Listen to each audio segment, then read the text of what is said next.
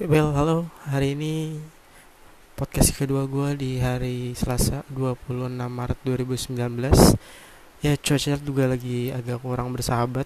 Hujan, panas juga bikin kondisi badan jadi nggak fit ya. Jadi kali ini gue mau bahas tentang musik. Waduh, gila. Musik ini gak lepas dari kehidupan manusia ya. Dari zaman gue kecil sampai gue dewasa masih dengerin musik dan kali ini gue ya mau ngomong singkat aja sih tentang kesenangan gue musik dan gimana cara gue ngelihat industri musik Indonesia saat ini dari industrinya dan juga dari jenis musik yang beragam saat ini.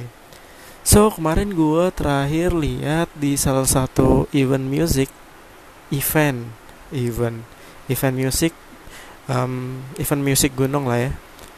Itu ketika acara berlangsung dan ketika acaranya selesai tuh di mention Instagramnya tuh banyak banget hujatan-hujatan bahwa ah acaranya nggak bener nih acara nggak beres bla bla bla hujan becek. Terus juga harus jalan kaki berapa kilometer gitu ya which ya gue jujur gue nggak datang ke acara itu dan ya karena gue tahu acara itu kayak apa jadi gue memutuskan untuk tidak hadir. Tapi yang harus digaris bawah ini adalah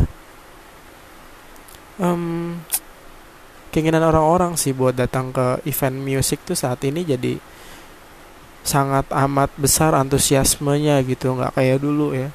Kalau dulu tuh kita datang-datang ke acara musik yang berbayar tuh kayaknya agak jarang dan agak berpikir dua kali gitu. Karena pertama kalau kita datang ke sebuah acara musik gitu konser musik apalagi yang gratis itu yang ada di pikiran kita pertama rusuh panas desek-desekan terus orang di mana-mana ya pastilah ya tapi nggak beraturan gitu ya. Tapi sih 2019 ini seiring perkembangan musik Indonesia yang gue ngerasa ada di jalur yang tepat sih meskipun secara industri juga gak bagus-bagus amat gitu ya. Karena yang naik scene-scene tertentu aja misalnya dari indie.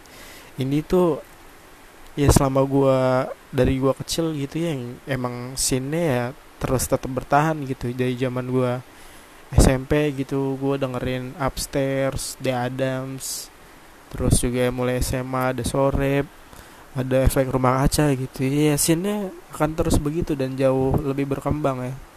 Nah yang jadi masalah ini adalah scene-scene yang di luar indie gitu. Kalau indie udah terbiasa dengan scene mereka sendiri mereka punya pasar sendiri Nah sekarang yang major major label ini gue ngerasa di TV tuh nggak ada wadah malah sama sekali gitu buat nayangin atau bahkan nyetelin video klip musik gitu. Kalau dulu kan kita zaman gue kecil masih punya MTV ya. Masih inget gue dulu waktu sore tuh sering banget nonton MTV setiap sore dengan VJ-VJ-nya terus dengan video klip pembahasan musik yang keren gitu. Jadi referensi musik kita juga pasti zaman-zaman segitu tuh luas banget ya. Sedangkan kalau sekarang malah kalau gue lihat sih malah cenderung nggak ada gitu acara musik selain dangdut gitu. Misalnya dangdut kan karena punya pasar mereka sendiri gitu tapi musik-musik yang major label ini kurang dapat tempat gitu di TV sekarang. Dulu beberapa waktu lalu sih kayak ada acara musik tapi itu lebih cenderung ke variety show sih kalau menurut gue karena dari segi musiknya pun porsinya nggak terlalu besar kayak dulu. Acara-acara MTV kayak gitu. Kalau sekarang sih gue jarang lihat ya. Ya karena gue jarang nonton TV juga. Tapi jarang lihat ada um, acara musik di TV itu udah jarang banget. Malah udah apa ya jarang jarang banget sih. Paling kalau sekarang tuh yang gue tahu tuh ada DC-DC musik kita itu showcase gitu sistemnya. Kalau dulu sih beberapa ada yang keren kayak misalnya ada MTV ada dulu TV One punya radio show di TVRI punya Taman Buaya Beat Club. Itu dulu salah satu um, program TV yang bener-bener pure ngedepanin musiknya gitu daripada variety show-nya. Kalau sekarang kan banyak ya musiknya kayak cuman penambah aja sih lebih banyak ke acara lainnya terus gimmick bla bla bla. Dan ya menurut gue sekarang ya kalau untuk major sih agak kurang bisa kita nikmatin gitu kalau sekarang sih. Susah buat nikmatin sih lebih tepatnya. Padahal musik-musiknya juga nggak nggak nggak jelek-jelek banget gitu bagus. Malah cenderung banyak yang bagus. Banyak juga yang gue suka dan banyak banget yang gue kangenin buat tampil di TV gitu. Misal kayak Dewa 19 kayak Slang gitu udah jarang banget. Iwan Fals gitu.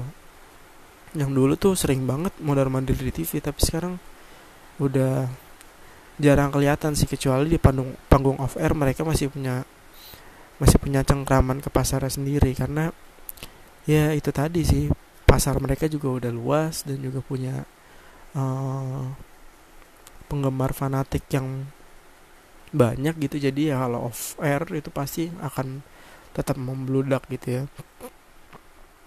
Kalau kita ngomongin bandnya sih kalau gue nih kalau gue ngelihat ya gue bukan pakar musik tapi gue senang aja sih ngikutin perkembangan musik Indonesia gitu. Dari gue zaman dulu ya gue mulai tumbuh dan berkembang di musik Indonesia era 2000-an ya. Eta era zamannya Peter Pan terus ada ungu ada banyak sih ada Gigi ada Dewa 19 Slang Sheila on Seven banyak sih belum lagi muncul band-band baru gitu yang bisa jadi apa ya pembeda sih. Kayak dulu tuh ada Nine Ball ada Channel ada Leto ada Samson ada Seventeen gitu beragam gitu. Jenis musiknya pun beragam kalau menurut gue ada rock ada balladnya juga tapi ya meskipun lagu cinta semua tapi punya karakteristik masing-masing. Habis itu masuk era um, Melayu ya pop Melayu. Nah itu di situ mulai semua tuh mulai seragam gitu. Musik yang lo lihat di TV musik yang lo dengerin di radio itu hampir seragam gitu ya. banyak kan pop Melayu ya. Ya setiap era sih setiap musik pasti punya eranya sendiri sih. Tapi kalau misalnya punya era sendiri gitu akan rawan akan ya hilang aja gitu maksud gue kayak Indonesia tuh sempat punya tren boy band and girl band dan sekarang gue nggak pernah denger atau ngelihat mereka tampil lagi sih gue juga nggak tahu itu orang-orangnya pada ke mana ya. Nggak tahu deh sekarang ada di mana. Tapi ya gitu. Tapi kalau musik-musik yang nggak punya karakter dan punya masa yang masif sih susah buat bertahan juga sih sebenarnya. Dan susah buat orang inget gitu tetap notice gitu ya. Yang gue nggak tahu gue masih belum lihat sih ini si si major label di uh, industri sekarang tuh mulai tumbuh lagi tapi yang jelas sih band-band yang masih besar gitu masih tetap eksis sih kayak Noah, Ungu dan lain-lain sih pasti masih tetap eksis. Tapi yang gue seneng adalah cenderung sekarang musik indie gitu yang lagi in di Indonesia gitu.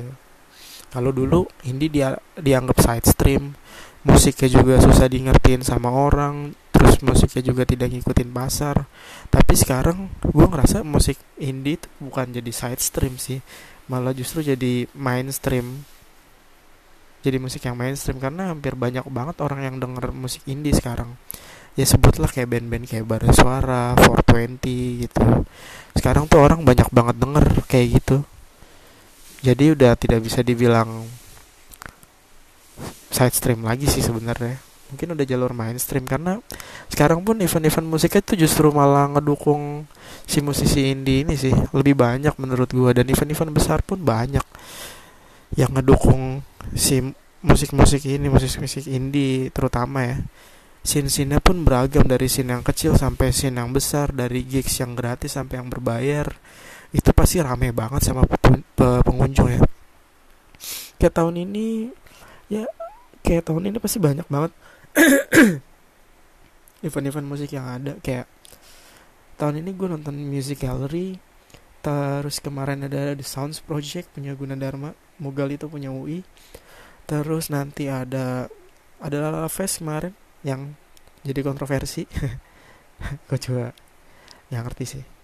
Terus nanti ada We The Fest pastinya ada Sondrenalin dan juga banyak banget event event-event musik yang keren sih nanti ke depannya. Belum juga gigs tunggal juga bakalan pasti banyak dan juga banyak musik-musik yang musisi-musisi yang ngeluarin album sih tahun ini.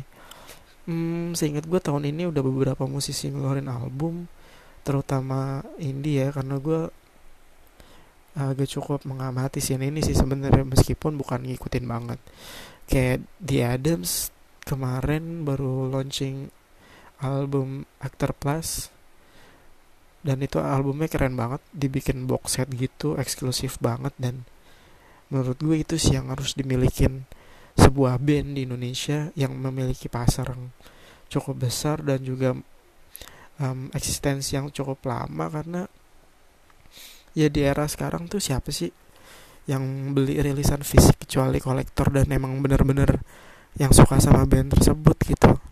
Ya orang zaman sekarang jarang lah maksud gue beli album rilisan fisik karena ya lu mau beli di mana juga di tokonya. Toko musik tuh udah jarang banget ya gue ketemuin kecuali ya toko-toko musik yang blok M gitu yang hobi store gitu ya masih banyak sih. Cuman kayak yang di mall gitu sih udah jarang banget gue temuin. Di toko ayam juga masih ada sih beberapa. Bisa ditemuin uh, album dan CD musik sekarang. Cuman itu tadi kita tidak bisa melihat bandnya secara utuh karena hanya beberapa aja yang bisa dijual dalam tanda kutip ya. Tahun ini juga banyak sih yang ngeluarin kayak Vira Talisa juga baru ngeluarin album nanti juga ada sore bikin EP dan ada oh ya bara suara album keduanya. Itu kece banget sih yang harus lo dengerin. Ya kalau ngomongin scene-nya sih menurut gue sangat amat menjanjikan ke depannya gitu. Karena pasarnya sangat amat besar gitu. Kemarin di Sounds Project pun sampai sampai full house gitu penuh banget sama orang-orang yang pengen nonton musik gitu ya. Karena sekarang tuh udah ya kalau kita nonton musik kayak gitu sekarang udah orang-orang wangi lah maksud gue ya kalau dulu kan ya mungkin anggapan kita beda sih. Mungkin gimana ya ngomong ya? Bingung juga sih. Ya gitulah pokoknya lah. Yang jelas banget anjir. Ya kayak gitu sih pokoknya. Sekarang sih scene udah mulai berkembang. Terus musiknya juga udah mulai beragam apalagi indie ya. Ya gue bukan mau ngebandingin musik indie dan musik major lebih bagus. Yang mana? Karena menurut gue ya dua-dua ini punya pasar yang cukup oke okay kok. Masih bisa diterima sama um, peminatnya sendiri-sendiri sih tapi kalau indie karena gue suka karena dia lebih variatif sih musiknya. Ada yang oldies ada yang rock ada yang rock and roll ada yang jazz ada yang lain-lain sih. Jadi lebih banyak pilihannya sih ketimbang majoran ya kayak gitu aja gitu maksud gue side side apa mainstream ya udah ngikutin pasar aja. Tapi yang jadi masalah ini apakah keinginan orang untuk menonton musik dibarengi dengan penjualan merchandising album rilisan fisik di tahun ini gitu. Selain pak hobi. Ya balik lagi um, tren pembelian rilisan fisik kan sekarang juga lagi oke okay sih sebenarnya. Kayak vinyl kayak kaset mulai um, hype lagi sekarang mulai naik lagi. Ya harusnya sih pembelian rilisan fisik juga harus naik sih tapi dengan catatan sekarang tuh rilisan fisik bukan kayak album yang ya album biasa lagi ya. Harus lu punya ada art ada sentuhan di situ sih yang bikin oh gue ngerasa eksklusif nih punya rilisan fisik kayak gini. Gue ngerasa bener-bener bangga gitu punya rilisan band yang lo sukain gitu. Jadi harusnya punya something touch gitu buat bener-bener orang tuh aware dan pengen punya gitu karena barangnya bisa jadi collectible item dan bisa lo simpen dalam jangka waktu yang lama gitu dan bisa jadi uh, barang eksklusif lah maksud gue ya kayak beberapa rilisan fisik. Sekarang udah mulai gila-gilaan sih yang lama-lama gitu kayak album White Shoes yang lama itu harganya udah gila. Terakhir sih gue nyari album Trace and the Wild itu harga udah 300 ribuan album CD loh dulu ya paling cuma berapa sih sampai